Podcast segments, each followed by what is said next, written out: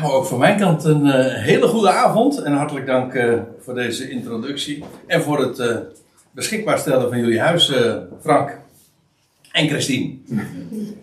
en kinderen. Ja, want die zitten er ook nog bij. Um, zoals gezegd, iedereen is bij deze natuurlijk ook hartelijk welkom geheten. Dat geldt trouwens ook voor degenen die live meekijken. Ik ben niet helemaal overtuigd of de, de connectie uh, eh, 100% goed is. Maar naderhand zal de video alsnog intact, mag ik aannemen, op mijn website worden geplaatst. Goedbericht.nl. Dan heb ik die reclame ook meteen even gemaakt. En ik, ik vermoed dat dat ook eh, die video eh, wel, wel goed zal zijn.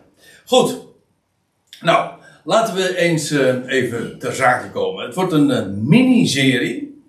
Deze, dit is dan de eerste avond. En dat allemaal onder de titel Alle mensen. Of Alle mensen. Het hangt er maar vanaf waar je de klemtoon op wil leggen. Want het is met opzet natuurlijk dat ik deze uh, dubbelzinnige, overkoepelende titel heb gegeven. Want ja, het is een uitroep van verbazing. Hè, dat je, als je verbijsterd en zegt, alle mensen. Maar dat komt in dit geval dan ook inderdaad wel heel goed uit. Want waar we het over gaan hebben is het plan dat God heeft, volgens de Bijbel, met, ja, met het mensdom, met heel de mensheid. En dat is onvoorstelbaar groots.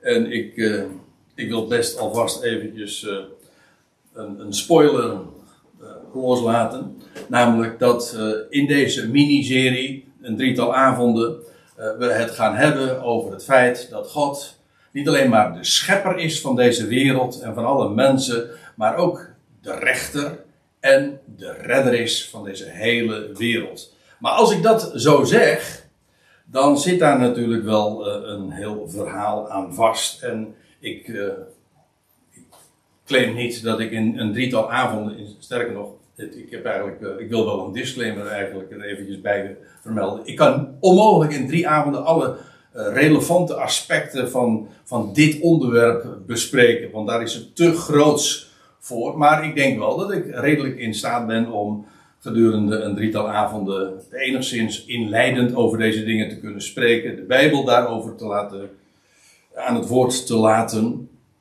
En daarbij zullen wellicht in een later stadium misschien nog wat andere onderwerpen ook uh, naar voren gebracht kunnen worden. Nou, laat ik eerst eventjes wat uh, zeggen ook over de, over de subthema's die gedurende deze avonden dan naar voren gebracht zullen worden. Vandaag dus op deze 7 oktober. Dan is het uh, subthema Eindgoed, al goed. En dit is eigenlijk de, de brede basis, de inleiding tot, ja, tot het onderwerp. En dan over een maand, de volgende eerste donderdag van de maand, dat is op 4 november.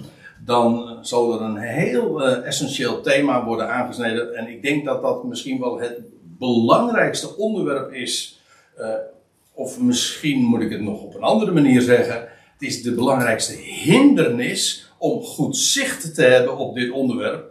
En dat heeft als thema hoe eeuwigheid, het begrip eeuwigheid, het vertaalwoord eeuwigheid, het evangelie kon verduisteren. En dat klinkt dramatisch en dat is het ook.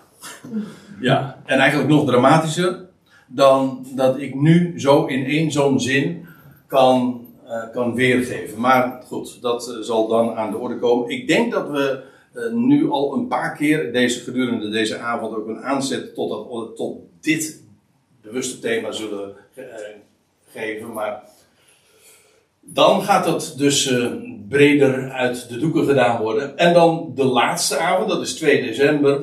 Dan heeft het uh, als subthema maakte Adam meer kapot dan Christus zal herstellen. En het idee daarbij is dan dat we in Adam, zoals de Bijbel dat beschrijft, ja, zijn alle mensen stervelingen geworden. Door één daad, zegt de Bijbel, dat uh, is dat allemaal uh, gebeurd. En zijn, is de hele mensheid meegenomen in zonde en dood. En ja, dan krijg je de laatste adem, zoals de Bijbel daarover spreekt. En eh, moet die dan tevreden zijn, als ik het even misschien wat oneerbiedig mag formuleren, met een veel kleinere hoeveelheid mensen. Dus Adam neemt de hele mensheid mee, maar hoe is het dan met de laatste Adam? En het zal je gedacht zijn dat ook over dit onderwerp in de Bijbel heel veel en belangrijke dingen worden gezegd. Goed, nou, dat is even uh, een introductie tot het geheel van, van, van deze kleine serie van drie avonden. En nu dus deze avond over eindgoed, al goed. Er is nog niet zo gek veel over mij gezegd en dat is maar goed ook. Maar ik wil één ding wel verklappen en dat zal, uh, ja, ik ben in Nunspeet. En ik ken natuurlijk uh, niet de achtergrond van jullie allemaal. Uh, van de meesten niet, denk ik zelfs. Maar, en dat is misschien maar goed ook. Maar ik weet wel dat ik in Nunspeet op een hele reformatorische bodem mij bevind. En dat herken ik, want ik heb zelf ook een reformatorische, om precies te zijn, een christelijk gereformeerde achtergrond. En in Aalsmeer ben ik opgegroeid. En ja, hoe gaat dat in reformatorische kerkdiensten? Die beginnen dan altijd heel erg plechtig. Maar ik moet u zeggen, eigenlijk zo. Als ik in mijn herinnering ook terugga, heb ik dat altijd prachtig gevonden. Terwijl ik helemaal niet zo liturgisch ben eh, ingesteld over, uh, alle, over alle mooie pracht en praal. Of, of, over de regelmaat in samenkomsten. Dat zegt mij niet zoveel, maar ik vond het altijd prachtig als de dominee dan de kerkdienst begon met die woorden van onze hulp is in de naam van de Heere, de godsnaam, die hemel en aarde gemaakt heeft. En ja, dan weet je, als het ware, vanuit je locatie, vanuit de kerk, uh, de kerkzaal of de, het kerkgebouw, weet je ineens uh, zo in een breed, groots, universeel perspectief uh, meegenomen, die hemel en aarde gemaakt heeft. Grootser, wijdser kan het niet. En dan vervolgens ging de dominee verder. Die hemel en aarde gemaakt heeft, die trouw houdt. Nou, hoe solide wil je het hebben? Als je dan zo'n kerkdienst binnengekomen bent en, en dan, wordt, dan wordt daarmee de toon gezet. Hij die hemel en aarde gemaakt heeft, dus het is alles, alleen dat al, hè? het feit dat daar een, een, iemand achter het geheel schuil gaat. Dat er iemand is, een schepper, die alles bedacht heeft en die tot aanzijn heeft geroepen. En die persoon, diegene die dat allemaal bedacht heeft, die het design daarin heeft verwerkt, dat hij zelf allemaal tot stand gebracht heeft, dat hij trouw is en betrouwbaar. Dat, hij, dat je van hem werkelijk op aan kan. Ja, alleen dat al eigenlijk als, als je zoiets gezegd hebt, dan kan er al niks meer misgaan. Denk ik bij mezelf. Die, die trouw houdt en ja, daar gaat het nu vooral even om. Uh, vervolgens hoe dat dan ook uh, toegelicht wordt. Die nooit laat varen de werken zijner handen. Want uh, ja, zo werd dat dan altijd gezegd. En, vooral als dat dan met, met grote klemtoon werd naar voren gebracht. Die nimmer of die nooit laat varen de werken zijner handen. En ja, dat is, dat is zo onvoorstelbaar groot. Uh, als je je voorstelt dat wij allemaal uh, als een creatuur zijn, een mensenkind, uh, werk van zijn handen. En als je dan meteen al de verzekering, de garantie krijgt van die schepper van hemel en aarde, die is betrouwbaar en dat, wat betekent dat? Wel, hij laat nooit varen dat wat hij gemaakt heeft, wat hij tot stand gebracht heeft. Welke creatuur ook, want een creatuur, dat is werk van zijn handen, dat laat hij niet varen. Misschien laat hij het even los om pedagogische redenen of om een les te leren, maar hij laat het niet varen.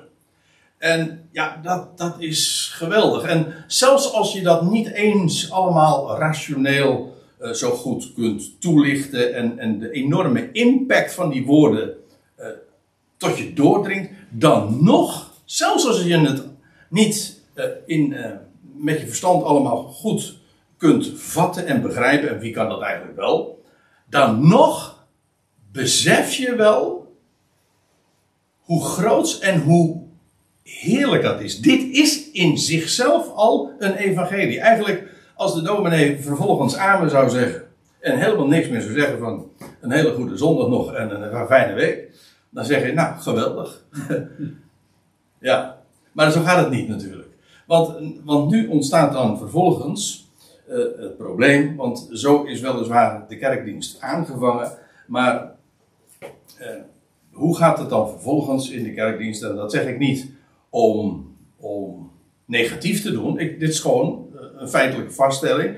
Wat in de reformatorische kerken, en niet alleen maar in de reformatorische kerk, in feite is dit traditioneel christelijk, dat, en dat kan op verschillende manieren aangezet worden, sommigen zetten dat heel zwaar aan, maar in het algemeen is het zo dat er altijd wordt verteld, uh, gedurende de, de, in de prediking, uh, en zo wordt dat dan meestal ook door in de reformatorische gezinte benadrukt van, ja, er zijn twee wegen.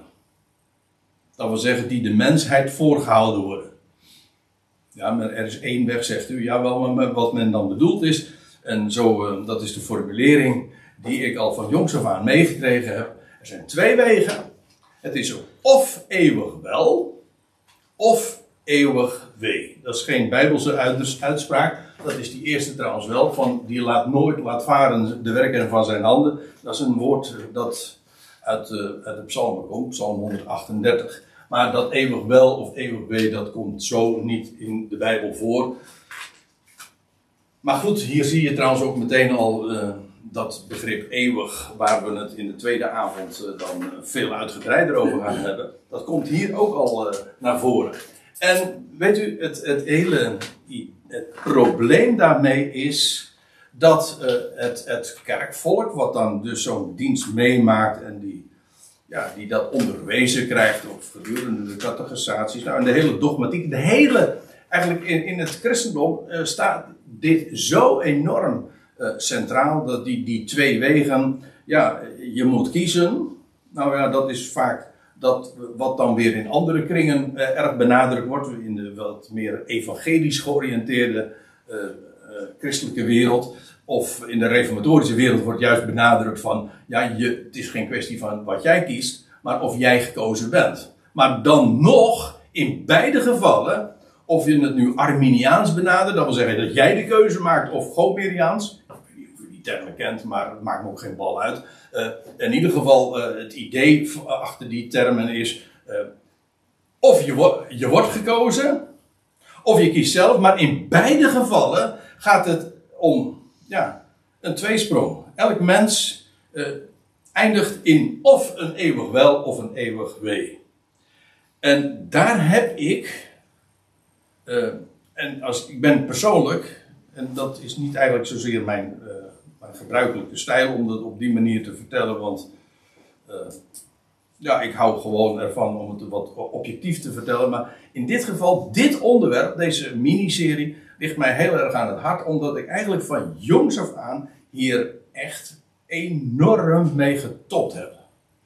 Dus dit is, dit is voor mij absoluut niet een, een een, een, een, theoretische exercitie van uh, ja, hoe, hoe, hoe leg je uh, zo'n kwestie nou uit? Of hoe los je dat probleem nou op? Nee, dit is echt, uh, dit gaat zo diep.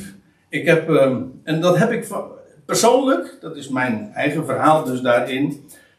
En ik denk dat dat voor sommigen in meerdere of in mindere mate wel herkenbaar is.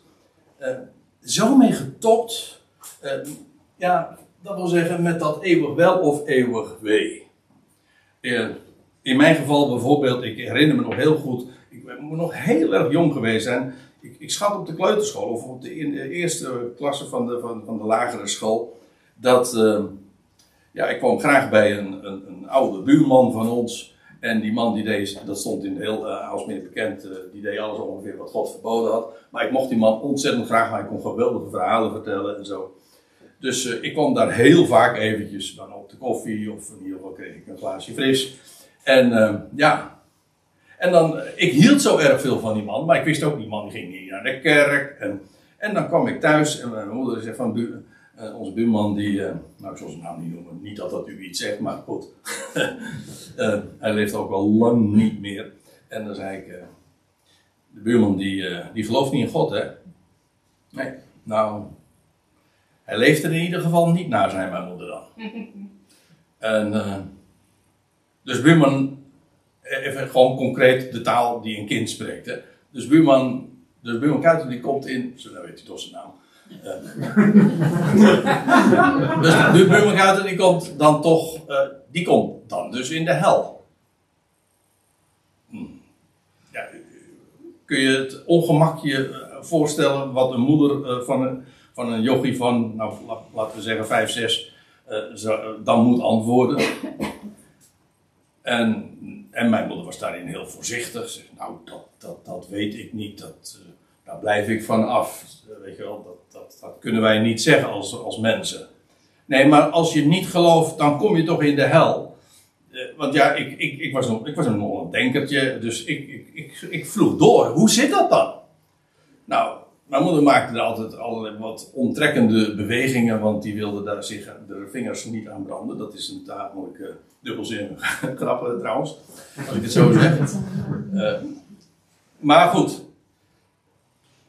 Ja, uh, wat, wat, moet je daar dan, daar, dan op antwoorden? En ja, ik dacht dan door en ik voelde wel, mijn moeder wilde gewoon niet de consequentie nemen van wat, ik al, wat altijd geleerd wordt in de kerk en wat verteld werd. Ja, er is een, er is een hel en, en een eeuwig wee. En niet dat dat allemaal eh, bij ons in de kerk zo heel erg breedsprakig en concreet werd verteld. Maar er was altijd toch die donkere achtergrond van dat, die dreiging van de hel. En vooral die mensen die, ja, die niet eh, het kerkenpad betreden en dat pad die weggingen. Ja, dat zou eindigen in dat eeuwige wee. En dat vond ik verschrikkelijk. Niet eens, ik, dat was dan voor mij, niet omdat ik zelf bang was daar terecht te komen, maar mensen, al die mensen die, die je ziet en die je, die je lief hebt of waarvoor je wat voelt, dat gaat zo eindigen. En dat vond ik afschuwelijk. Dat is zo'n dissonant in dat wat ik juist wist. Want ik was, uh, ja, de God die hemel en aarde gemaakt heeft, die trouw houdt, die nooit laat varen, de werken van zijn handen. Heerlijk, geweldig. Die God daar hou je van. Dat is geweldig. Maar dit kon ik niet ermee rijmen. En ik zal je dit vertellen: niemand kan het ermee rijmen. Je kan het parkeren, gewoon zeggen nou, daar denken we verder niet over na. En weet u wat mijn moeder, als ik dan. Uh, ik, want ik heb daar echt zo erg mee geworsteld dat ik heel vaak, herinner ik me nog heel goed, dat ik er huilend mee wakker werd. En, dat ik, en dan mijn moeder, en die, gaf, die, die troostte me geweldig, vond ik daarin. Als ik daar dan zo mee zat, dan zei ze: André, laat het maar los. Laat het maar aan God over. Dan komt het wel goed. Dan komt het wel goed. U voelt, dit is, dit is spanning, hè? Want dit was, dat is troost. Laat het maar aan God over toch eindgoed, al goed. Dat was uiteindelijk de troost. En het zou nog tientallen jaren duren. Uh, ergens toen ik 1,32 was. Uh, dat ik ja, echt, echt bijbelse, solide antwoorden kreeg op deze vragen. Maar ik heb eigenlijk al die tijd die daaraan vooraf ging, enorm mee geworsteld. Hoe zit dat dan? En inderdaad, er zijn dan tijden dat je het los kan laten en even, even kan parkeren. Maar bij tijden kwam het iedere keer weer terug. En drong de vraag zich zo aan je op. Hoe zit dat? En ik kon het er niet met elkaar mee rijmen. Hoe kan dat nou? En ja, mijn uh, antwoord nu nog steeds is: dat kan ook niet, die twee deze, de waarheid van het begin van de kerkdienst, u begrijpt nu wat ik daarmee bedoel, en tegelijkertijd dat wat in de prediking naar voren gebracht wordt en altijd benadrukt wordt, het eeuwig wel en het eeuwig wee, Dat is niet te rijmen. Daar kun je, dat weet ik ook, niet bewust mee leven. Dan word je gek. Iemand van wie je houdt, daar je, ook, als, ook als je weet dat het voor jezelf goed is, maar de gedachte is onverdraaglijk dat iemand van wie je houdt op een plek komt waar het hopeloos is. En ik bedoel dat letterlijk zoals ik het nu zeg. Zonder hoop. Dat is dat eeuwig wee. Waar het nooit, nooit meer goed komt. Dat is als je dat op je in laat werken. Uh, ja. Vreselijk. Daar kun, je niet daar kun je echt niet mee leven. Nou, dus uh, u, één ding hoop ik hiermee in ieder geval duidelijk gemaakt te hebben. Uh, namelijk dat uh, het probleem ligt hier. Nou, laat ik, van, laat ik om te beginnen eens wat prachtige schriftplaatsen noemen. die beschrijven eigenlijk wat ik, hier, wat ik hier op deze dia zo omschrijf als bij God gaat er nooit iets mis. Want wat ik u wil laten zien, is dat wat men vertelt. Ik bedoel, in de christelijke leer traditioneel eh, van de twee wegen, dat is niet naar de schrift. Dat is een uh, flinke statement. En die ik hierin, zeker in Nunspeet, maar in het algemeen, natuurlijk wel hard moet maken. En dat is ook precies waar, uh, waar we deze avonden voor belegd hebben. Want ik wil het u zo dolgraag vertellen. Waarom? Wel, gewoon omdat het antwoord wat ik zelf heb gevonden, wat niet alleen voor mijn hart, maar ook voor mijn hoofd. Gewoon, ik hou van het woord. Ik bedoel van de Bijbel. Gewoon zoals er staat geschreven. Dat is voor mij absoluut een heilig ankerpunt. En als je dan eenmaal een antwoord hebt gevonden, en ik durf zelfs arrogant genoeg misschien komt dat over, of misschien uh, wel een hele grote claim van. Als je het antwoord daarop hebt gevonden, ja, wat, wat wil je dan? Dan wil je delen. En, en ik heb eigenlijk maar één uh, vraag aan u. Dat is, luister nou gewoon bereidwillig naar wat ik te melden heb. Dat is één. En deel twee is, check het zelf of het inderdaad zo is wat ik zeg. Dus neem het niet aan omdat ik dat zeg, dat, eh, dat risico loop ik toch niet, denk ik. Want uh, nee, waarom zou, je, waarom zou je aannemen wat de ene andere Pieter uit Katwijk eh, staat te vertellen? Nee. Komt het overeen met wat er staat geschreven? En, en het geweldige dan, en dat is wat ik, wat ik, ja, is de uitdaging. Dan zul je gaan zien hoe geweldig, niet alleen hoe solide het is, maar hoe krachtig. Maar, en ook hoe enorm logisch alles is zoals de schrift deze dingen naar voren brengt. Het begint bij dit. Namelijk dat God werkelijk God is.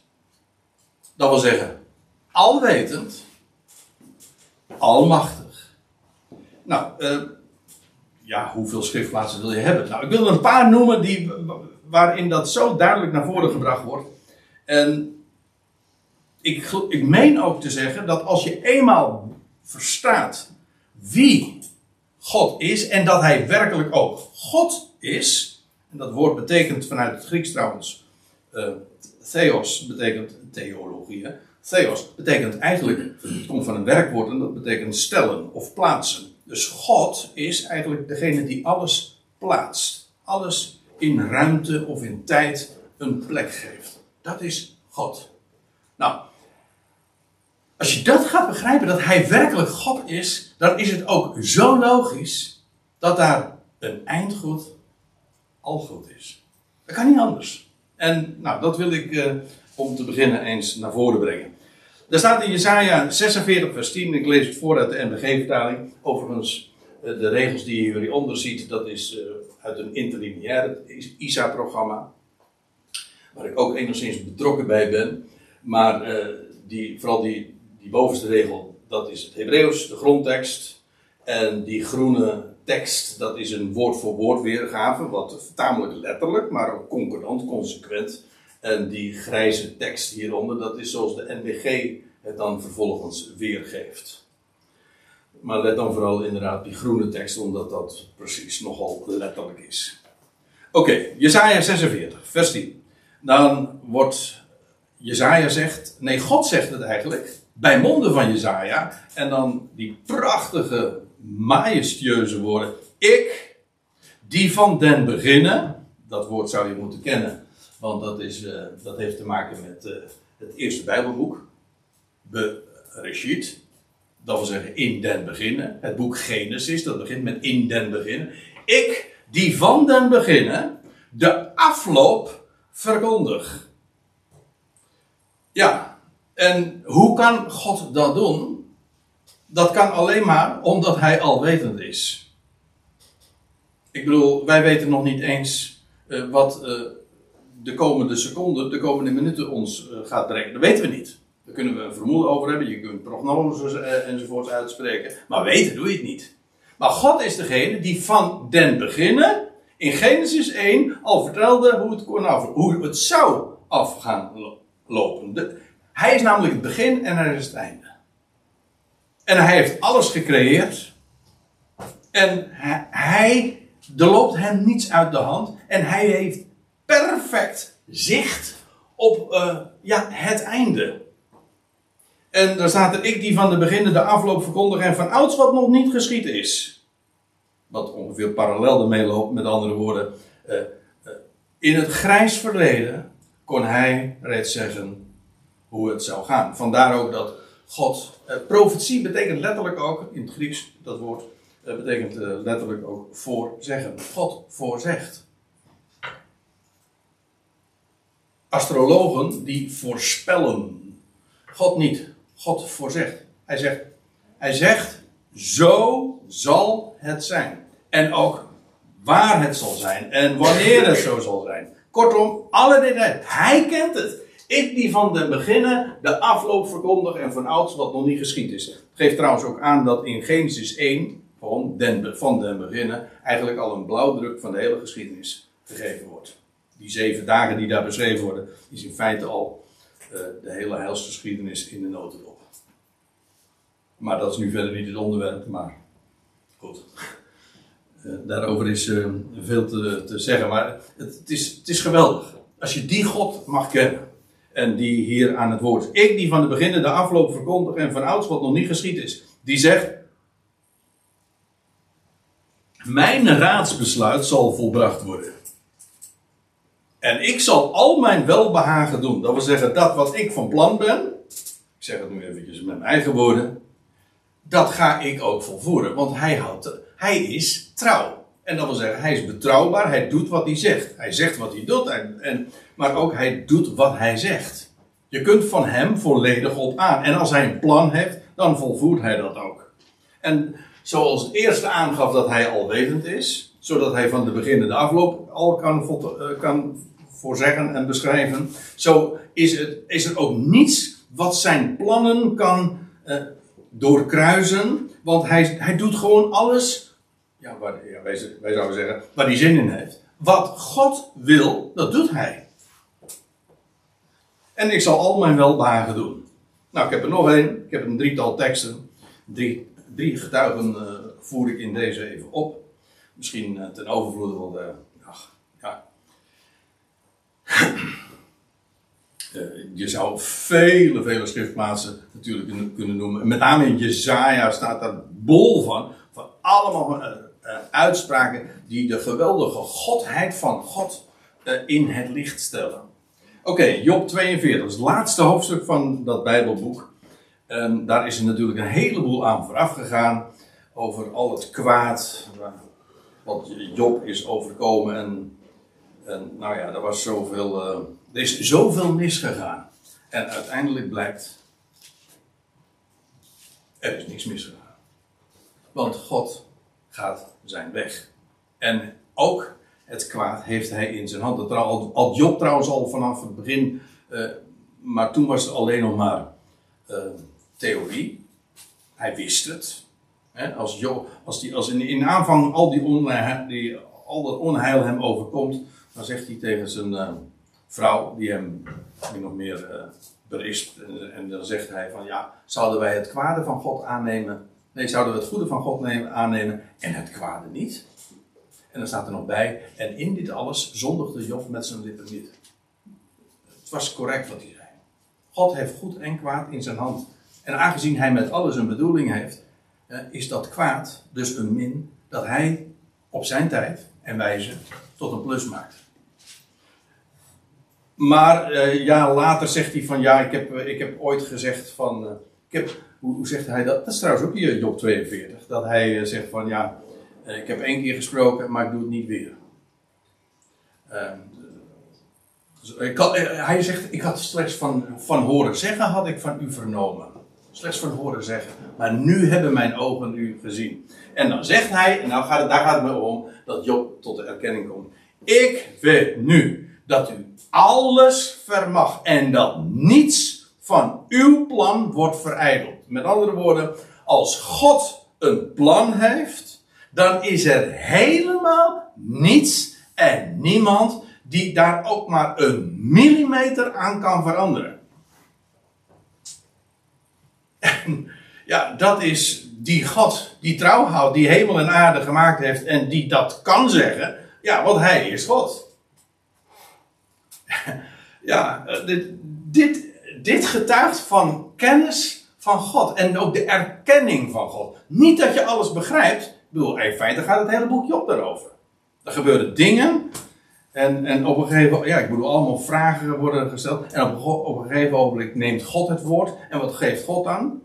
Antwoorden? Nee, hij stelt alleen maar vragen. Hij zegt, hij zegt waar was je? Job 38, 39. Waar was je toen ik de aarde grondvestte? Allemaal vragen. Dan gaat hij vragen stellen over de schepping. Begrijp je er iets van? Kan jij wat ik kan, Job? Weet jij wat ik weet? Nou, het antwoord is hier natuurlijk niets. Ik bedoel, we weten niks van de schepping eigenlijk.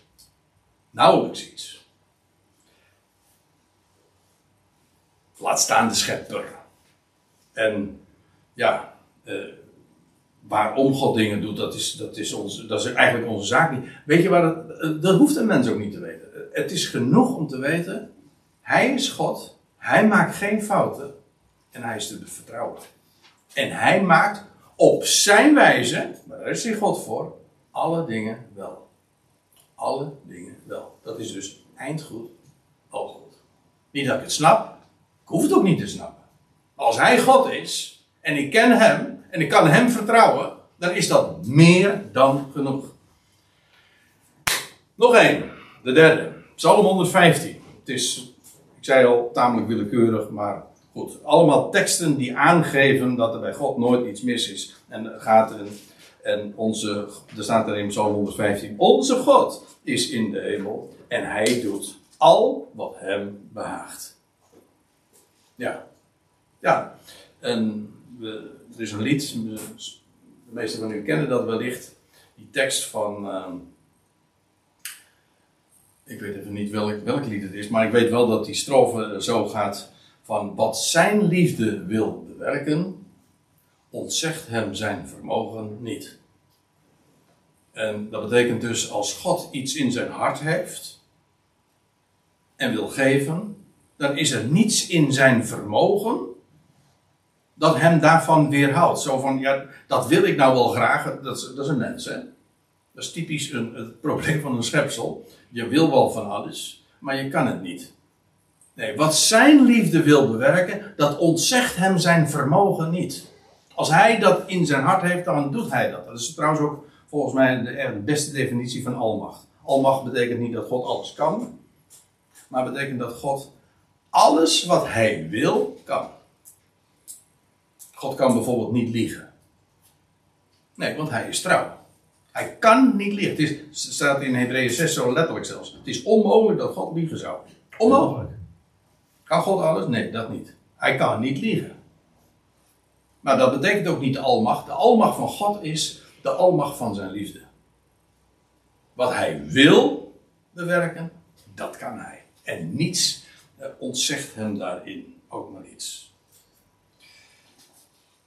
Nog een gegeven dat eigenlijk geheel in lijn daarmee is. God maakt alle dingen wel.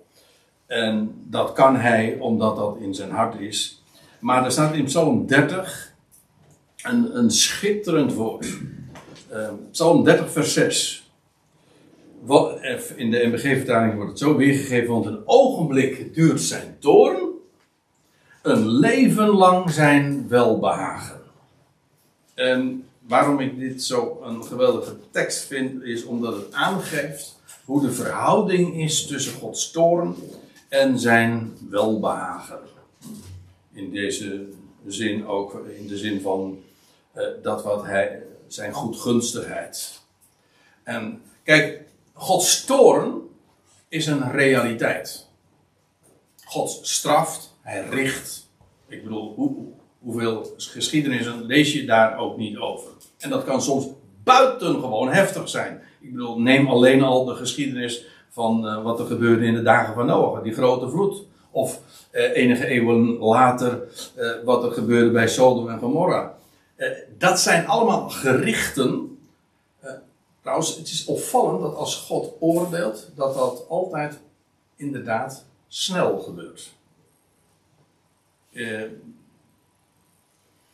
maar zeker ook relatief in verhouding tot hoe ver, ja, dat, is, dat, dat zou typisch een vraag zijn die eh, een theoloog zich dan vervolgens stelt. Van, hoe verhoudt God toorn zich nu tot zijn welbehagen?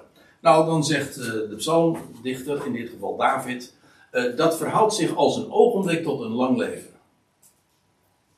Dat is de verhouding. Straf, toorn, gericht, oordeel, ingrijpen, pijnlijke ingrepen. Het is een bijbelse werkelijkheid die je niet moet wegvlakken.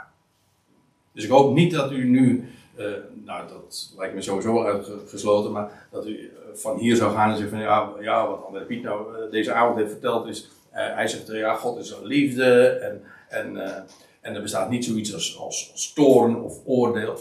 En het komt allemaal wel goed.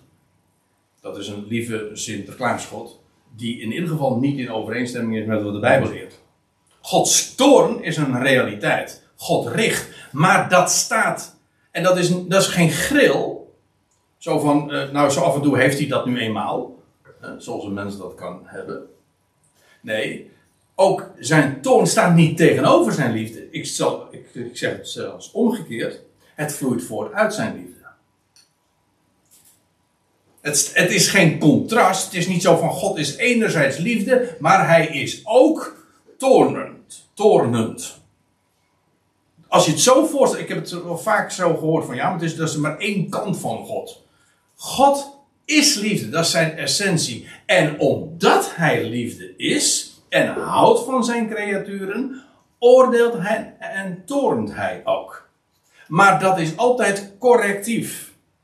Zoals dat heet. Het is altijd om te corrigeren. Het is niet zo van, eh, zoals de Bijbel dat ook beschrijft over een ouder of een meer specifiek dan de, taak, de, vader, de, de vaderlijke taak, hè, om, om uh, soms te kastijden. Dan moeten er soms klappen vallen, mag je daar tegenwoordig trouwens ook niet zeggen, maar goed, uh, bij deze dan. Uh, dat kan zo. De tik, hè, u kent hem, de corrigerende tik. Ja, is, staat dat tegenover de liefde die een vader of voor een moeder voor, voor het kind heeft? Nee, helemaal niet. Dat is, het is zelfs omgekeerd als je dat je kind onthoudt, zo, zegt, zo, zo spreekt de Bijbel daarover, dan hou je niet van je kind. Juist omdat het soms nodig is om inderdaad eens pijnlijk in te grijpen. Dat is, staat niet tegenover liefde, dat vloeit eruit voort. Dus dat komt, maar het is altijd wel, je moet wel de proporties zien. Het is altijd, de toorn is altijd bedoeld om recht te zetten. En dan begrijp je ook de waarde van de toorn. Een hele idee. Het hele idee van een eindeloze toorn.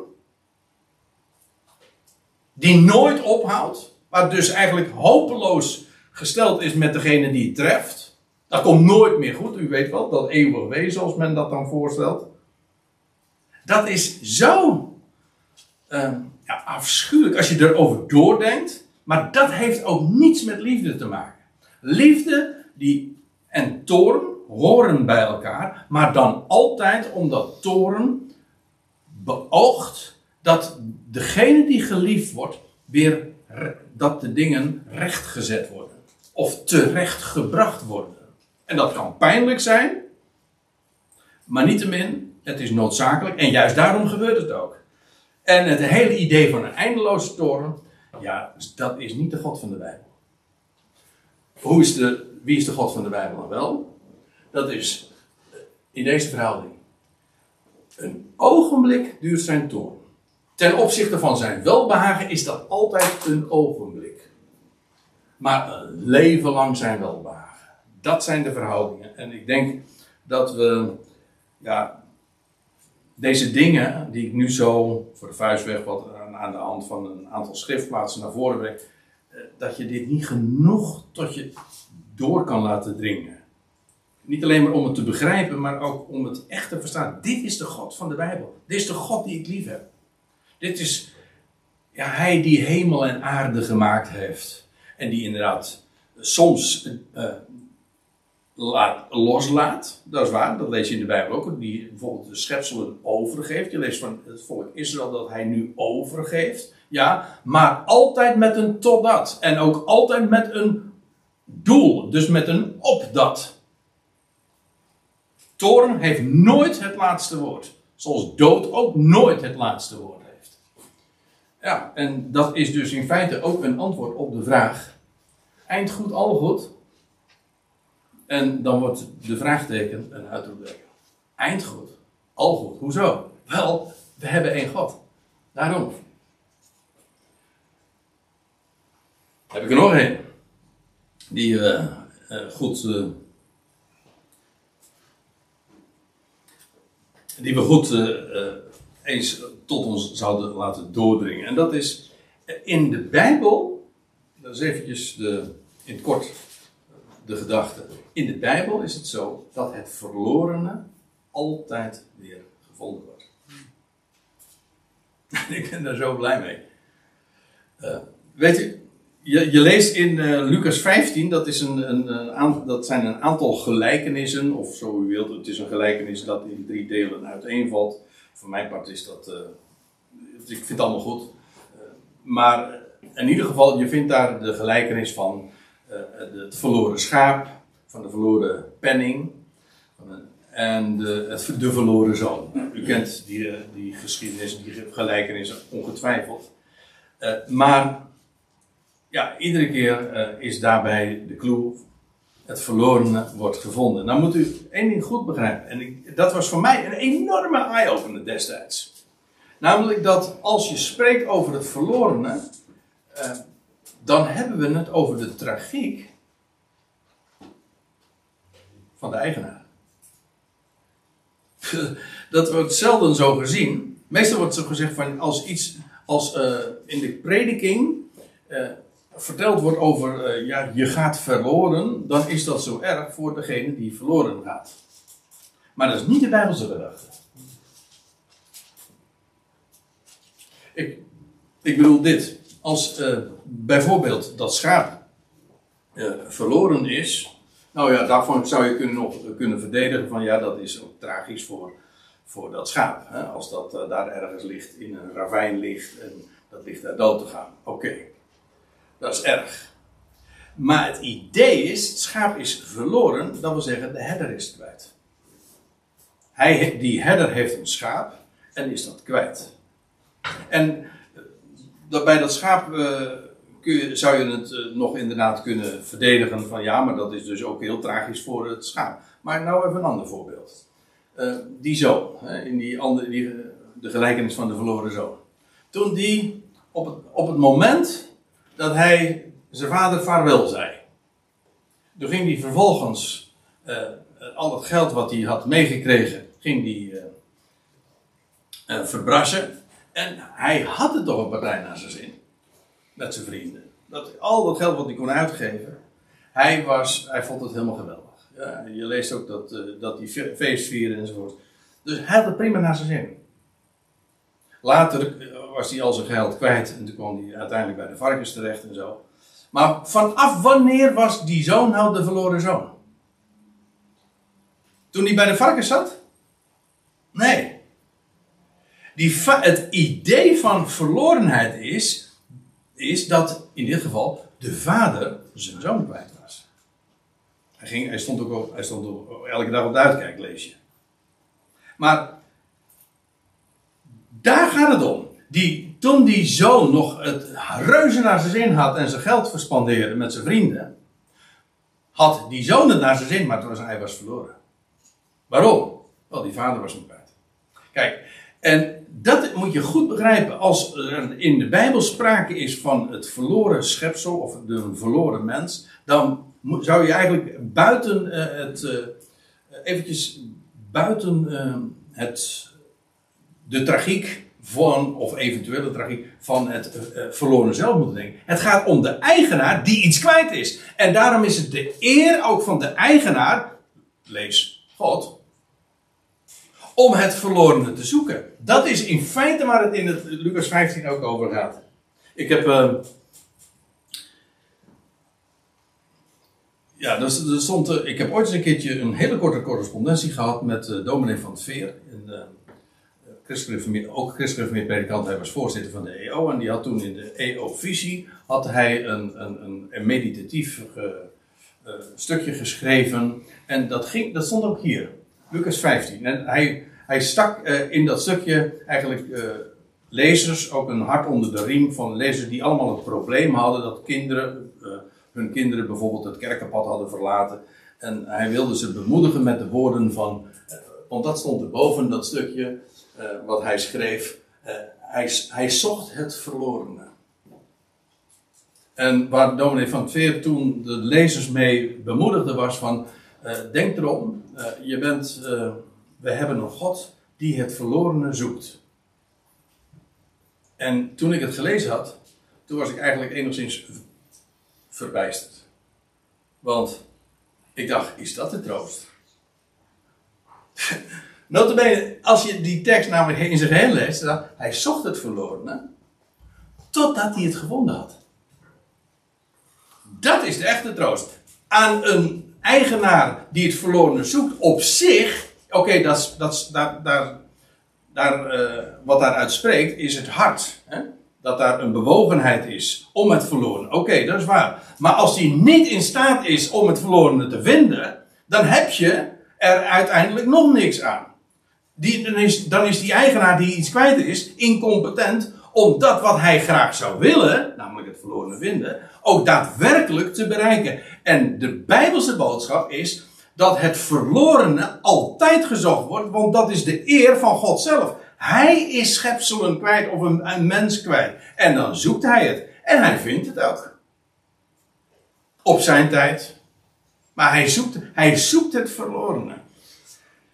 En ja, wat de essentie eigenlijk van wat ik nu uh, probeer duidelijk te maken is, uh, het is Gods verlies. En daarom ook Gods eer. Daarom, dat, dat zie je ook iedere keer, dat als het verloren gevonden is, wat lees je dan?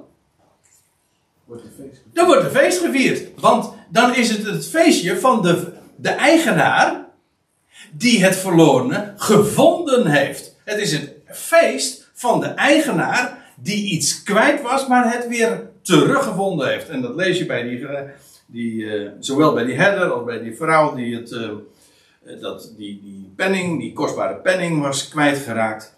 En je leest het ook in, trouwens in, in het verhaal van de verloren zoon. Het is het feest van de eigenaar die het verlorene gevonden heeft. En, en kijk, het evangelie gaat, het gaat over God zelf.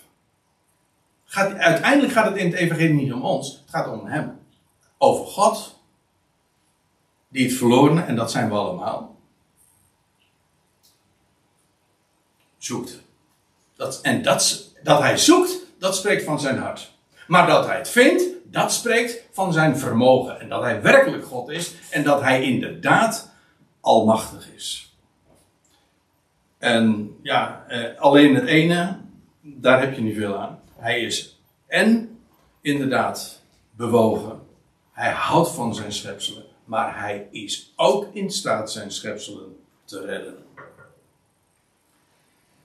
Ja, nou ja, ik, uh, ik had gedacht dat ik inmiddels wat verder was gekomen, maar uh, toch, toch niet. Dus ik moet straks toch nog eventjes doorgaan met, met de dia's. Maar ik stel voor, want inmiddels is het uh, 9 uur, is het dan toch wel een goed idee om een kopje koffie te drinken. En dan ga ik straks nog even verder met 1 Timotheus 2, waar we lezen over God die wil dat alle mensen gered worden. Goed, daar gaan we straks mee verder. Dan... Goed, wij gaan weer verder met, uh, met deze avond, met deze, met deze studie. Want ik had nog een uh, aantal dia's te gaan. En uh, ik wil eigenlijk ook straks nog wat gelegenheid geven om wat, wat, vragen te bespreken. Dus ja, we konden de pauze ook weer niet al te lang laten voortduren. Maar goed, de schriftplaats die ik nu nog wil tonen is uit de brief die de apostel Paulus heeft geschreven aan Timotheus. En daar zegt hij dit. En ik lees uit hoofdstuk 2 vanaf vers 3. En dat is waar Paulus heel kort en puntig naar voren brengt wat zijn boodschap is, zijn je zou het kunnen noemen zijn mission statement. In hoofdstuk 4 komt hij daar ook nog even op terug. Maar hier zegt hij dit: Dit is voortreffelijk en welkom voor God. Dit is trouwens een wat letterlijke weergave. Dit is goed en aangenaam voor God, staat er in de NBG-vertaling. Uh, onze redder, die wil, en nou komt hij, en dat heeft natuurlijk alles te maken met uh, het onderwerp van deze serie. God, onze redder, die wil dat alle mensen gered worden. En tot besef van waarheid komen. En ja, dit is natuurlijk uh, een, een, een, statement ja, waar je u tegen zegt. Want dit geeft aan dat God een wens heeft of een verlangen heeft. Nee, zelfs dat staat er niet. Hij wil dit. En nou zou je kunnen zeggen van ja, uh, maar er gebeurt zoveel dat God niet wil. He, God, uh, God wil dat de mens uh, iets zou doen. En ik bedoel, God wilde dat Farao zou, het volk zou laten gaan. En, God, en Farao zei, nee dat doe ik niet. Dus Gods, Gods wil kun je weerstaan. Zo wordt er wel eens tegen ingebracht. Dus dit zou, geen uit, dit zou geen uitsluitsel geven over het feit dat dit dus alle mensen gered worden. Daar heb ik twee dingen op te zeggen. In de eerste plaats dit. Uiteindelijk wil, wordt Gods wil altijd gedaan. Uw wil, zeggen we, dat staat in het eh, Onze Vader, uw wil geschieden. Zowel in de hemel eh, als ook op de aarde. Eh, ook, je leest, je, je leest uh, dat de Heer Jezus, uh, als hij in Matthäus, aan het einde van Matthäus 23, dat hij wenend zegt: Oh Jeruzalem, Jeruzalem, hoe vaak heb ik uw. Uh, hoe staat het? Kinderen. Ja, hoe, hoe dikwijls heb ik u niet uw bijeen willen vergaderen gelijk een hen, ja zo was die, gelijk een hen haar kuikens. En dan zegt hij, maar jullie hebben niet gewild. En dan zeg oké, dat is dus de onwil van de mens. Of in dit geval Jeruzalem. Maar is dat het einde? Nee, want uiteindelijk, dat lees je ook in datzelfde uh, vers, uh, uiteindelijk uh, zegt de Heer van ook, ja, jullie zullen me niet meer zien, totdat jullie zullen zeggen, gezegend hij die komt in de naam van de Heer. Met andere woorden, die onwil van de mens, die kan van alles doen en plannen en weerstaan, maar uiteindelijk is het toch altijd Gods wil die het laatste woord heeft. Dat is één ding.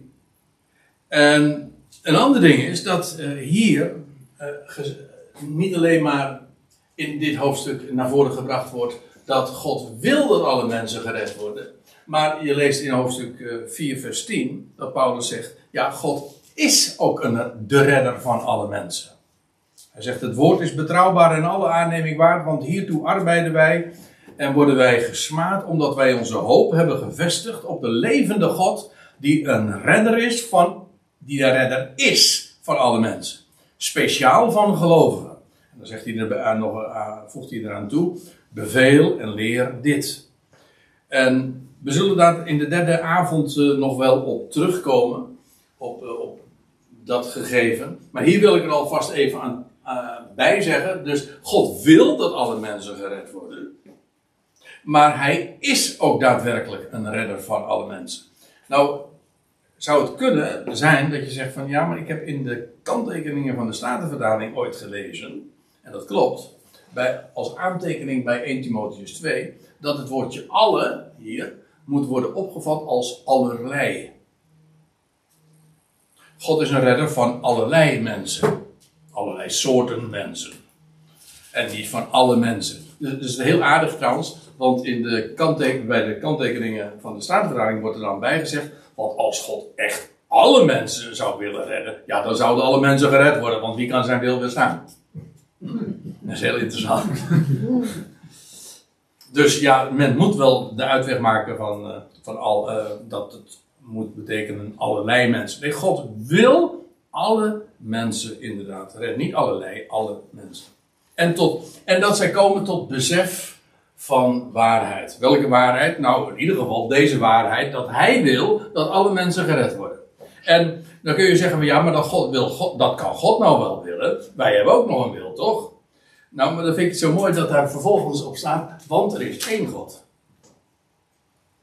Er is er maar één die uiteindelijk alles bepaalt.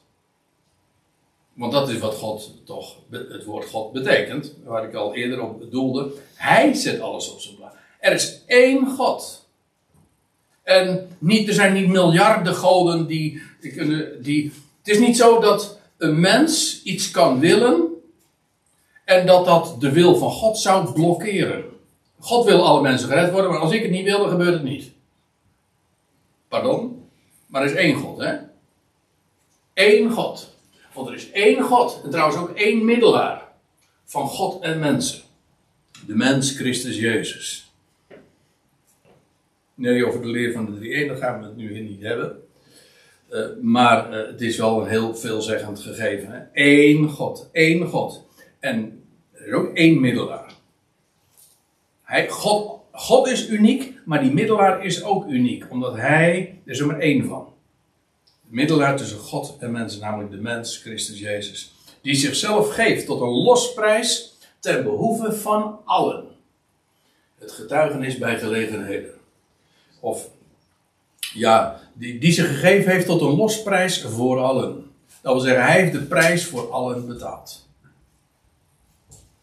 Om gelost te worden, verlost te worden. Want dat is wat een losprijs is. Hij betaalde de prijs en, en, dat betekent dat we dus eigenlijk ook uh, gewoon gekocht en betaald zijn. Dat is, uh, dat is, trouwens ook voor mij een bekend gegeven als met mijn reformatorische achtergrond. Namelijk, wat is uw enige troost? Dat is zondag 1. Hè? Uw enige troost in leven en sterven, dat is dat ik niet van mijzelf ben, maar het eigendom van mijn getrouwe Heer en Zaligmaker, of woorden van gelijke strekking. Maar hoezo zijn eigendom? Wel, de prijs is voor mij betaald. Daarom ben ik, ik ben rechtens van hem, gewoon omdat hij mijn schepper is, maar ik ben ook gekocht en betaald. Er is een prijs voor mij betaald.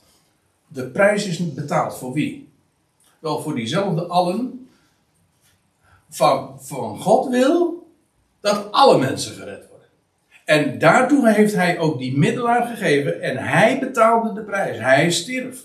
Zoveel houdt hij van deze wereld. En hij stond op, zodat alle mensen dat leven zullen ontvangen dat hij aan het licht bracht. Ja, eh, dat is die losprijs.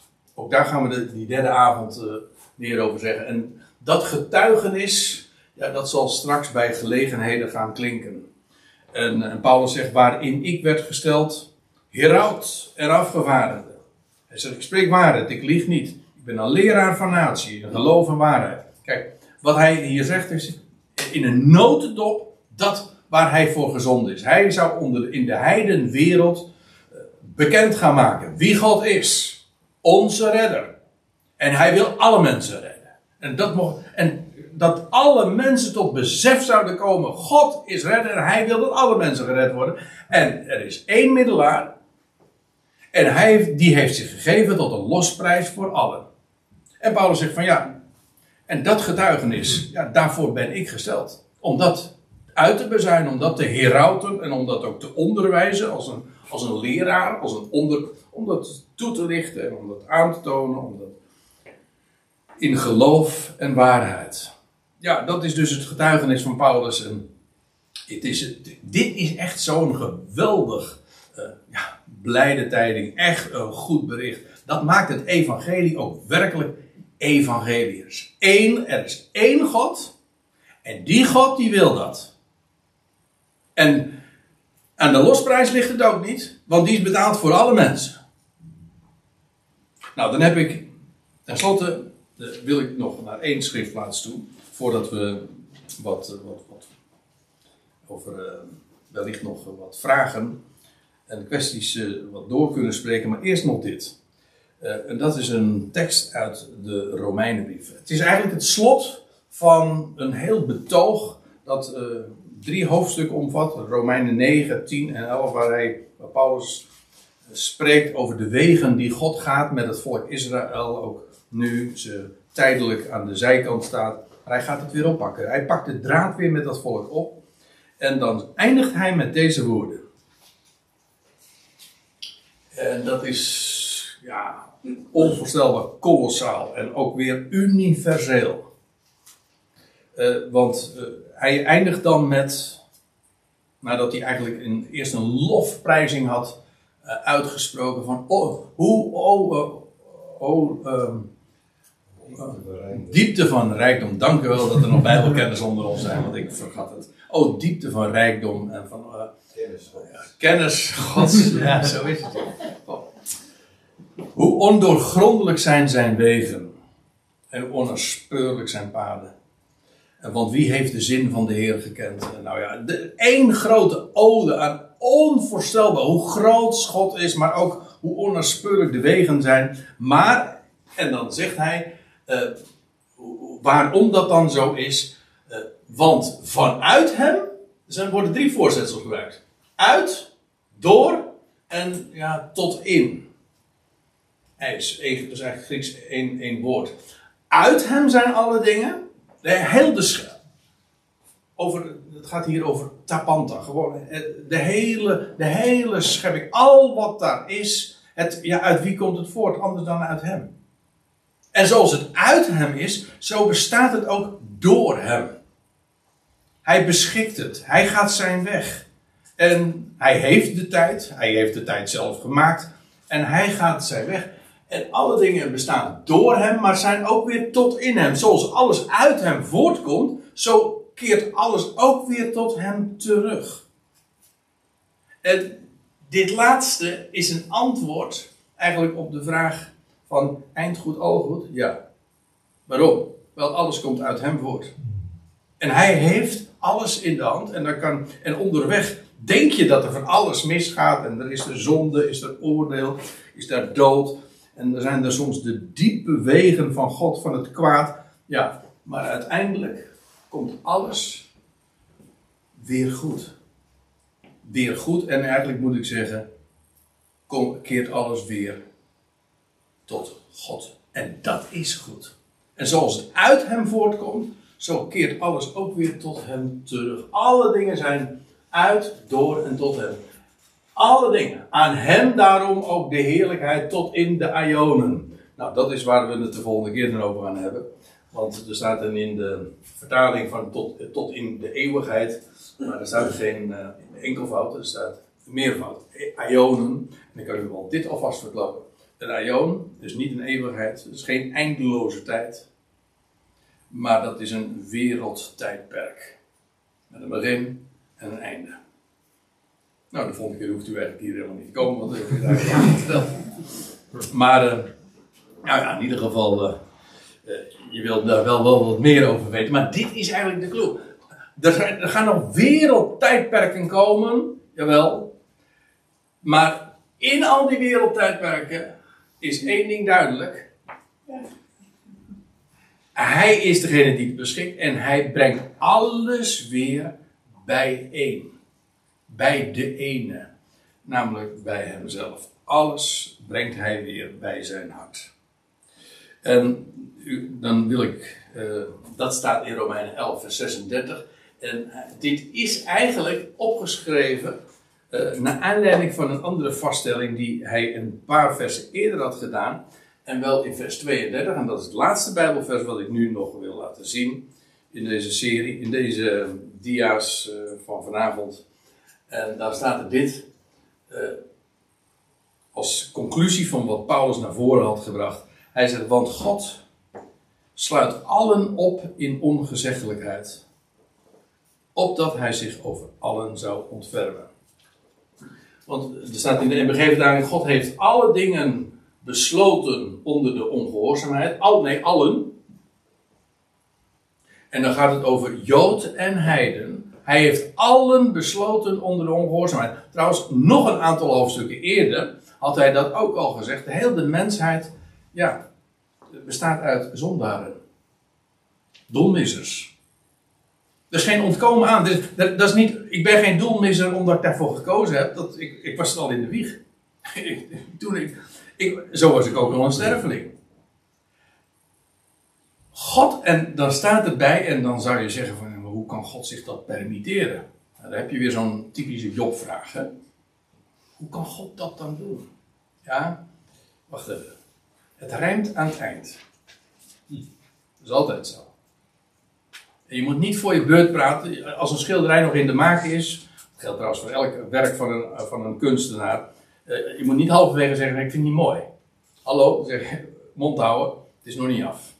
En dat geldt met Gods werk ook. Het is nog niet af. Maar reken maar dat het aan het eind oogverblindend mooi en schoon is. Daar is hij God voor. Natuurlijk. Hij maakt niet alle dingen wel. Hij maakt dingen onvoorstelbaar mooier en groter en heerlijker dan wij ooit ook maar zouden kunnen denken. En ja, en hij heeft allen onder de ongehoorzaamheid besloten. We zijn allemaal, ja, zoals een Urker Visser dat ooit zei, we zijn allemaal uit hetzelfde hout gesneden. En ja, zo is het. We, komen, we, komen allemaal, we zijn allemaal Adamieten, dat is het onderwerp, dat is het thema van de derde keer dan.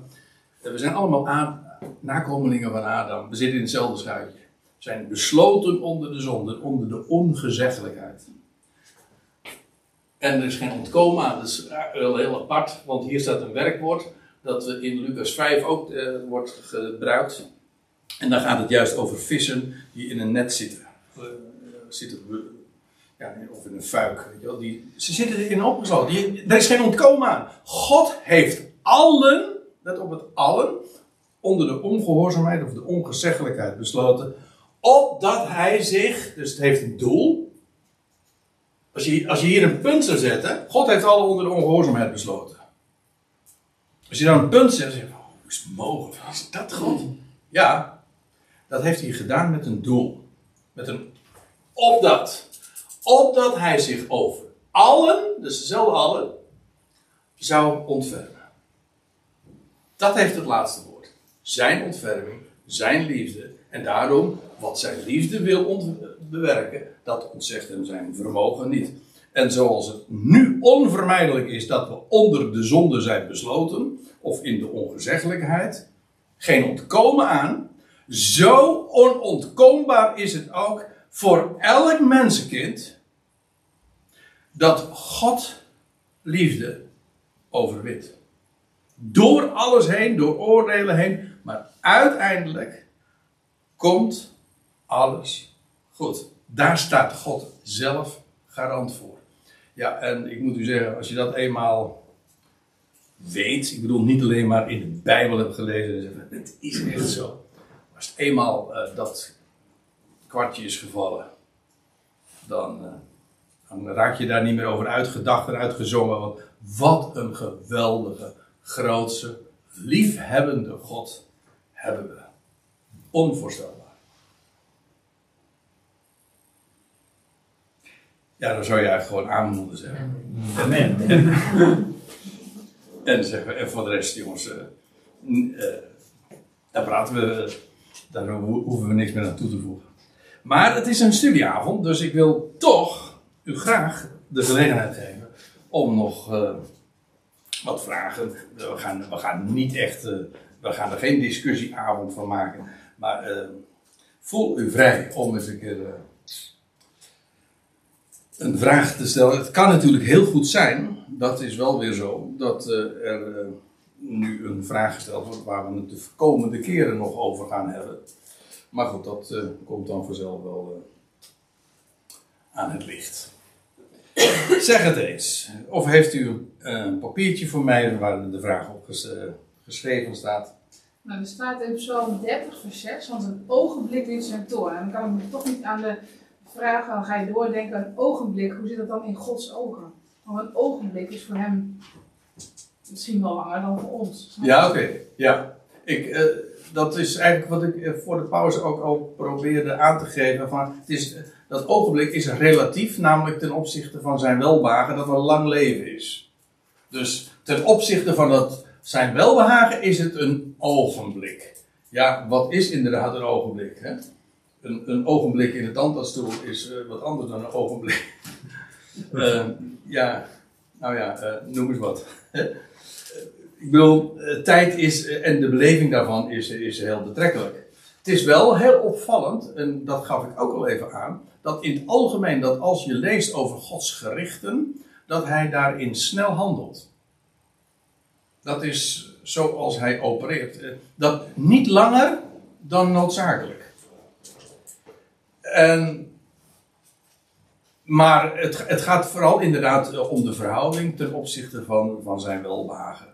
Dan is, het dan is het altijd maar een toorn. Zelfs al zou dat dagen of jaren duren, zelfs al zou dat zo zijn, dan nog is het een ogenblik ten opzichte van, alle, uh, van, van wat nog gaat komen en zijn, zijn welbehagen.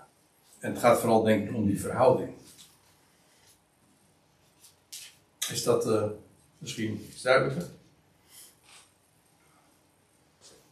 Mag ik nog een vraag stellen? Ja, natuurlijk. Ik, Graag. ik vind de moeilijkheid vooral zitten in. We, hebben van Frank ook al eens een keer een, een ja, soort gelijke studie gehad waarbij continu die grondtekst eronder stond. Ja. Maar je, je, moet, je moet gewoon echt een geleerde wezen in vreemde talen om, om hem te kunnen volgen. Ik heb de Sinestatenvertaling, maar in feite, ik heb al eens een keer gehoord het woord eeuwigheid, het woord hel, die bestaat helemaal niet in de grondtekst. Nee. Ik, wel, wel, welke vertaling zou je wel kunnen volgen zonder er een, uh, een uh, eeuwig Zonder een gele- studie bij te volgen? Uh, dat, uh, Ja. maar geen antwoord op, dus. Ja, nou, ik, nou, ik, nou een antwoord uh, weet ik niet. Dat is aan jou wat ik nu ga, om te taxeren wat ik nu ga zeggen. Uh, het is wel een bezwaar natuurlijk. Kijk, het, het, het, wij spreken Nederlands. En de Bijbel is nu eenmaal geschreven niet in het Nederlands, maar in het Hebreeuws. Dan wel in het Grieks, zoals in dit geval. En dat je met die eerste regel weinig kan. Ik doe dat ook niet om, om, om indruk te maken. Want ik ben ook helemaal geen kenner van het Hebreeuws en Grieks. In de loop der jaren ben ik er enigszins vertrouwd mee geraakt. Maar een kenner zal ik, zal ik mij absoluut niet noemen. Uh, waar, uh, waar ik vooral erg op gebrand ben, is, uh, is een woord voor woord weergave. En zo letterlijk mogelijk, om zo dicht als mogelijk bij de grondtekst te komen. En dan moet ik er wel bij zeggen dat uh, wij nu heel erg bevoorrechte mensen zijn ten opzichte van de vroegere tijden. Kijk, als je dan wilde weten wat er in de grondtekst stond, dan moest je een. Dan, ja, dan, wat moest je dan doen? Dan moest je naar een, een bibliotheek gaan bezoeken. En, en dat, dat, dat, was, dat kon soms een enorme onderneming zijn, afhankelijk van over welke tijd we het nu hebben. Nu hmm. leven we in een tijd waarin iedereen, ook al ken je geen woord Hebreeuws of Grieks, iedereen kan, gewoon die een, een smartphone heeft, een computer, kan gewoon weten, dat woord staat er in het Grieks. En dat, zo wordt dat woord allemaal vertaald. Dat is de betekenis van het woord. Dat uh, is voor iedereen nu beschikbaar om te controleren. Wat dat betreft leven we wat ook in dat opzicht in unieke tijden. Want we hebben mogelijkheden, tools nu in handen beschikbaar die ongekend zijn om dingen te controleren. Vandaag, vandaag de dag is het echt geen probleem meer. Bijvoorbeeld om, nou ja, om de voorbeelden die je zojuist noemde, uh, om te controleren het woord hel. Waar we het trouwens in deze korte serie niet eens over gaan hebben. Maar goed, nu het dan toch even genoemd wordt. Eh, nee, ik, nou, ik, dat is een aardig voorbeeld. Ja. Een- om, om dat dan toch even eh, toe te lichten. Je zult zien dat als je, eh, als je nou bijvoorbeeld de nieuwste vertaling hebt van het, eh, van het Nieuwe Testament, van eh, de Bijbel, dat is de NBV, dat is de mo- een moderne vertaling. En ik ben daar persoonlijk helemaal niet enthousiast over, omdat ze heel vrij weergeven. Maar één ding moet ik ze nageven. Ze is- In het woord in de NBV kom je de hel niet meer tegen. En waarom is dat? Omdat ze dat woord, wat daar in het Grieks staat, in het origineel dus, hebben ze gewoon weergegeven als plaatsnaam. En dat is het ook. Gehenna staat er dan. Ja. Eh, zeg je het goed? Ja. Staat, in de MBV staat er gewoon Gehenna. En de aardigheid is, je, je kunt er gewoon, en je kunt gewoon na, je kunt het natrekken. Het is elke encyclopedie, elke lexicon, eh, waar je, waar je op zoekt, kijk naar wat Gehenna. Er staat van, oh dat is een dal dat in het... Ik dacht van, goh. dat zal toch niet uit. Nee. Ehm, maar weet je, da- da- daarin eh, vind je de toelichting. Gewoon, Gehenna is gewoon een plaatsnaam, geografische plaats. Het is een dal ten zuiden van Jeruzalem waar de vuilverbranding eh, altijd plaatsvond. Nou, dus dan weet je, ja, het is dus niet een onderaards oord. Nee, Gehenna is gewoon dat. Of dodenrijk, dat staat Hè? er. Dodenrijk. Ja, dat is weer een ander woord. Dat is, dat is een andere. Dat is Hades. Dat is niet Gehenna. Gehenna is, een, Gehenna is dus echt een plaatsnaam. Je kunt, in, dat is eh, aardig om het even zo provocerend te zeggen, je kunt naar de hel lopen. Nou ja, hier vandaan is het een hele end, dat geef ik toe. Eh, maar het is zuid hier van Jeruzalem. Ik, ik, ik, ben dus, ik ben er zelfs vereeuwigd. Ooit, eh, toen ik daar op bezoek was. Eh, ik bedoel, je kan gewoon in dat dal, het is nu trouwens helemaal geen vuil veranderd, het is een prachtig park.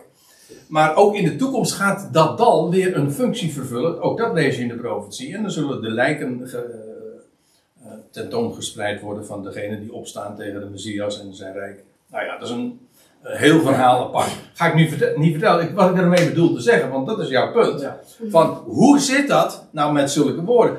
Ik durf te zeggen, iedereen die het wil, als je geïnteresseerd bent van, naar het origineel, voor iedereen is het vandaag gemakkelijk beschikbaar om dat te checken. En ja, dat vind ik een groot voorrecht. En ik zou zeggen, eh buit dat uit. Want dat, dat zijn, eh, dat zijn eh, dingen die voorheen veel moeilijker waren. Het is voor altijd is het zo geweest dat je dat dingen kon controleren.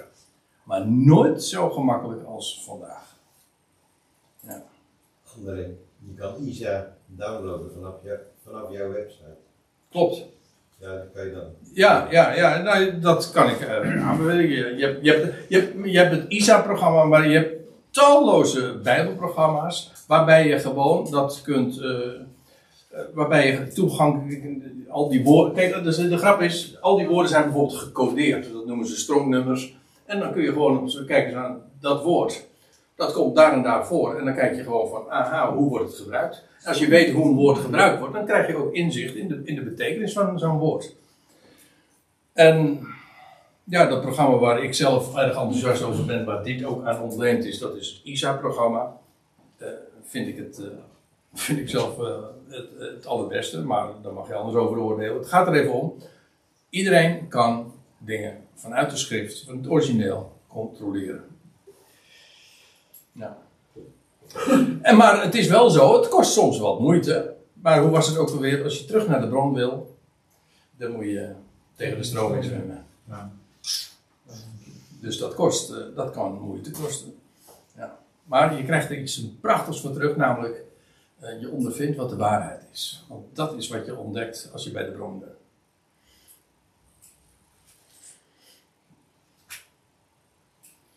En over die eh, eeuwigheid, eh, hoe dat zit, dat dat ionen zijn. Nou, daar kan ik, eh, dan kan ik zeggen, als je daarin geïnteresseerd bent, kom de volgende keer dan ook. Ik heb wel een vraag eh aangaande dat verhaal van Job. Ja. Was het een soort van eh, deal bijna tussen God en de, de duivel, het Satan? Ja. Had- Het ging allemaal heel goed, hè? Dat hij dus wat meer tegenspoed zou krijgen, dat hij dan misschien van zijn geloof zou vallen. Ja, En dat eh, God toen heeft gezegd van oké, eh, doe maar wat tegenspoed en dan gaan we kijken of dat inderdaad gebeurt. Ehm, als ik hem dan even op mezelf betrek, eh, of, de mensen nu, wordt die deal nog steeds gesloten zeg maar, tussen God en maar, de, de duivel van oké, we hebben de mensen, die zijn gelovig, nou, test hem uit en kijk maar hoe ver ze wel nog steeds eh eh, mij trouw zijn. Ja, Ja, zo Ja. zien of is het, zoals ik hem nu zeg wegzet, kun je het eigenlijk niet zo zeggen.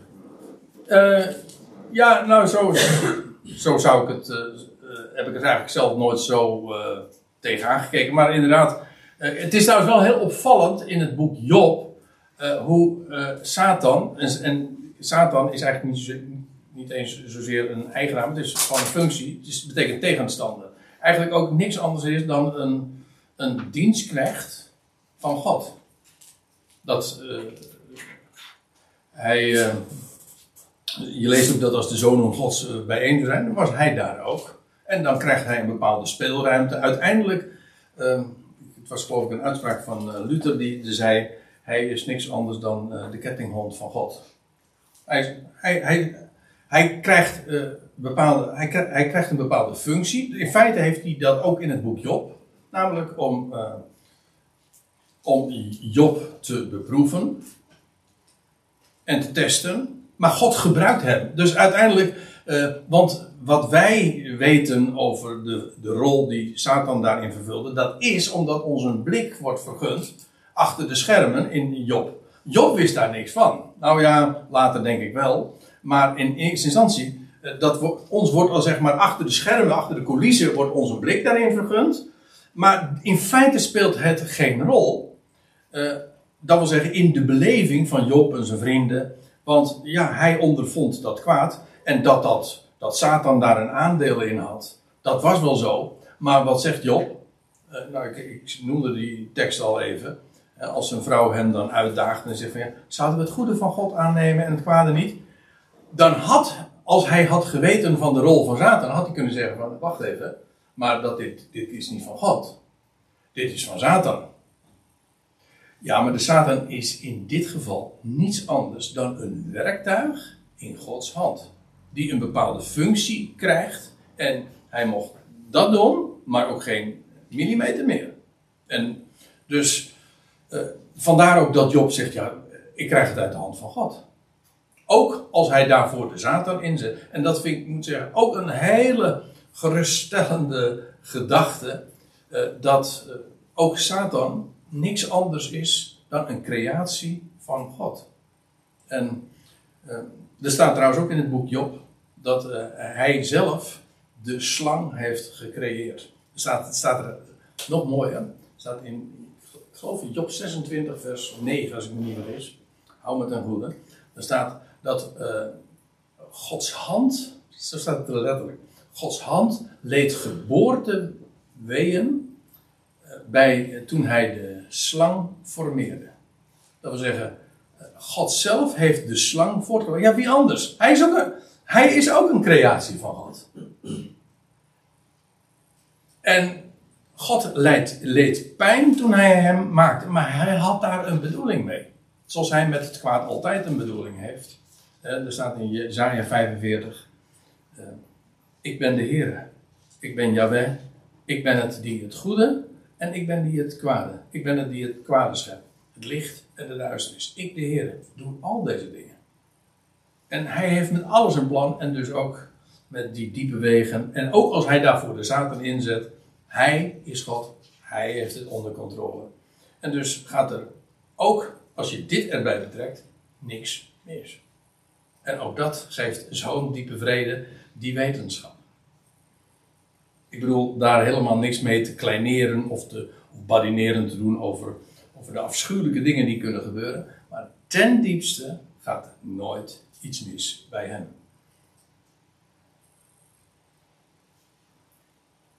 Nu toch over Job hebben. Ik was vorige week dus Job. En dus dat die duivel eh, aan de gang was. Maar dan krijg je die storm, die hevige storm. Ja, dat is volgens mij altijd van God. Maar die, die duivel deed dat. Maar is het toch van God? Eh, je bedoelt als, als God in de storm storm. 1 Job 38? Bedoel je dat? in Nee, dat is in één al. Dat is het huis door de storm getroffen werd. Ja, Alles, alles en kinderen en alles gebeuren. En Eh, ja, ja, die, ja, wat daar achter de schermen nog weer een, eh, een rol speelt. Je bedoelt, of begrijp ik je vraag goed, van als, de, als het de storm is en. God, God heeft de, de weersomstandigheden in zijn dat hand en dus niet Satan. nee. Nee, maar zelfs al zou Satan dat eh, ook kunnen, eh, ook daarvan zijn voorbeelden. Je leest eh, als de Heer Jezus wakker, ge- ge- als hij in het schip ligt, en dat hij opstaat en hij bestrafte de wind staat er. Dus, eh, maar, Ook andere machten, nee. Ja, maar, eh, maar ook dan, ook als daar andere machten een rol spelen in al die, al die natuurelementen, waar wij natuurlijk als mensen eigenlijk al geen zicht op hebben, weet je, weten wij veel. Maar dan nog is het zo, hij die, eh, dat is een lied, dat geef ik toe, maar het is zo volstrekt bijbels, hij die wolken, lucht en winden bij spoor en loop en baan. Hij zal ook wel wegen vinden waar langs mijn voet kan gaan. Maar hij is het uiteindelijk die het allemaal in de hand heeft. Alles is perfect onder controle. He's got the whole world in his hand. Dus inclusief Satan en inclusief. Dus ja, nou ja, ik word, het wordt in die zin. Kijk, is eigenlijk de, de refrein in deze hele avond. Eh, eind goed, al goed. Ja, waarom? Alles is onder controle. Er is één God. Eén, alles, alles is in zijn hand. En daar, het komt uit daaruit voort. En hij verkondigde van de beginnende afloop. En als hij wil dat alle mensen gered worden, dan worden alle mensen gered. Want hij is God. Er is één God. En ja, natuurlijk, dit strijdt met wat ons traditioneel is bijgebracht. Dan zeg ik, ja, dat is dan ons probleem. En, maar bedenk eens hoe geweldig het is als, als, als, als je dit gaat verstaan. En, en iedereen heeft daar ook weer zijn eigen weg in te gaan. En, ik weet wel dat het soms heel moeilijk is om je los te maken van dingen die je van kindsbeen af altijd gehoord hebt. Ja, nou ja, dan kan ik alleen maar dit zeggen. Check het in de schriften. Of je dat nou doet aan de hand van het ISA-programma of weet ik veel wat. Check het, onderzoek het of het inderdaad zo is.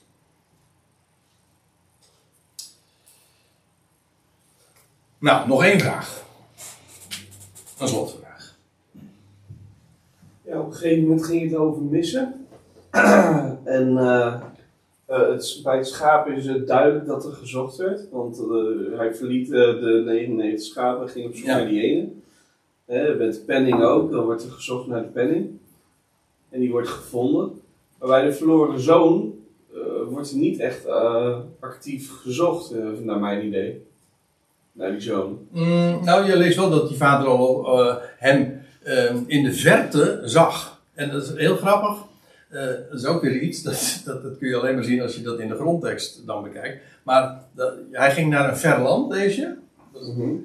En dan staat er eh, even later, als hij dan weer op, met hangende pootjes terugkomt, dat hij hem. eh, eh, al, al, de, va- de vader die zag al, hem al vanuit de verte. En daar staat dan hetzelfde woord als wat eerder gebruikt werd van waar hij vertoefde toen hij eh, met zijn vrienden de, het geld er allemaal doorheen bracht. Dus daar zag de vader, bij wijze van spreken, het is een gelijkenis, dat weet ik, maar daar zag de vader hem al. En hij stond op de uitkijk. Dus hij zocht, hij wachtte. Hij, ja, je moet niet meer in zo'n verhaal leggen dan er is, maar het idee is toch iedere keer dat het verlorene ja, weer gevonden wordt. En die vader, als, in feite in al die drie gelijkenissen, is het toch eh, vooral in die laatste gelijkenis juist duidelijk hoe het hart van die vader bewogen is met die zoon. En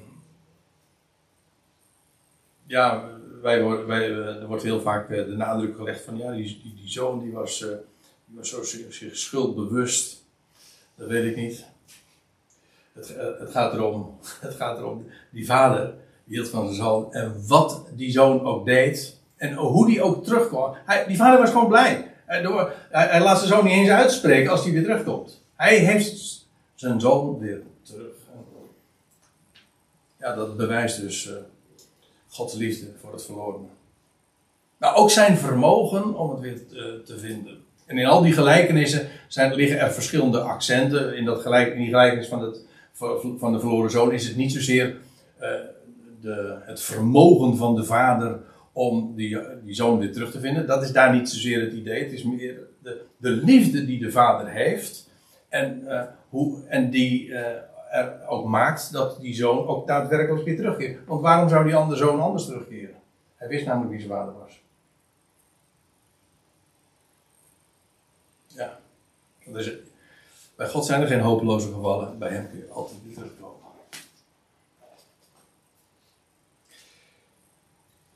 En toen keek hij op zijn klokje. En toen was het twaalf. eh, t- Half uur.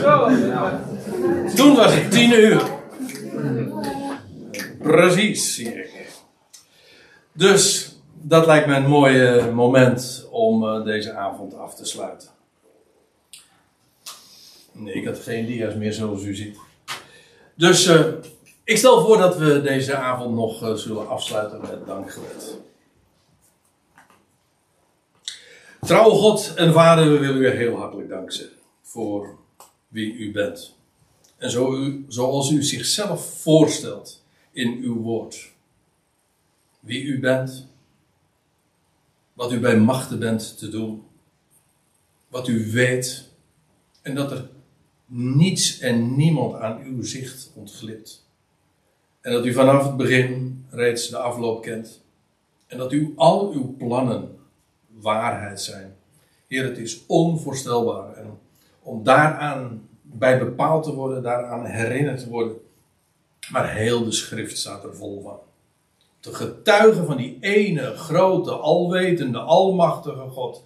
Die alle dingen, hoe dan ook, tot een goed einde gaat brengen. En wat een rust, wat een vrede geeft die zekerheid.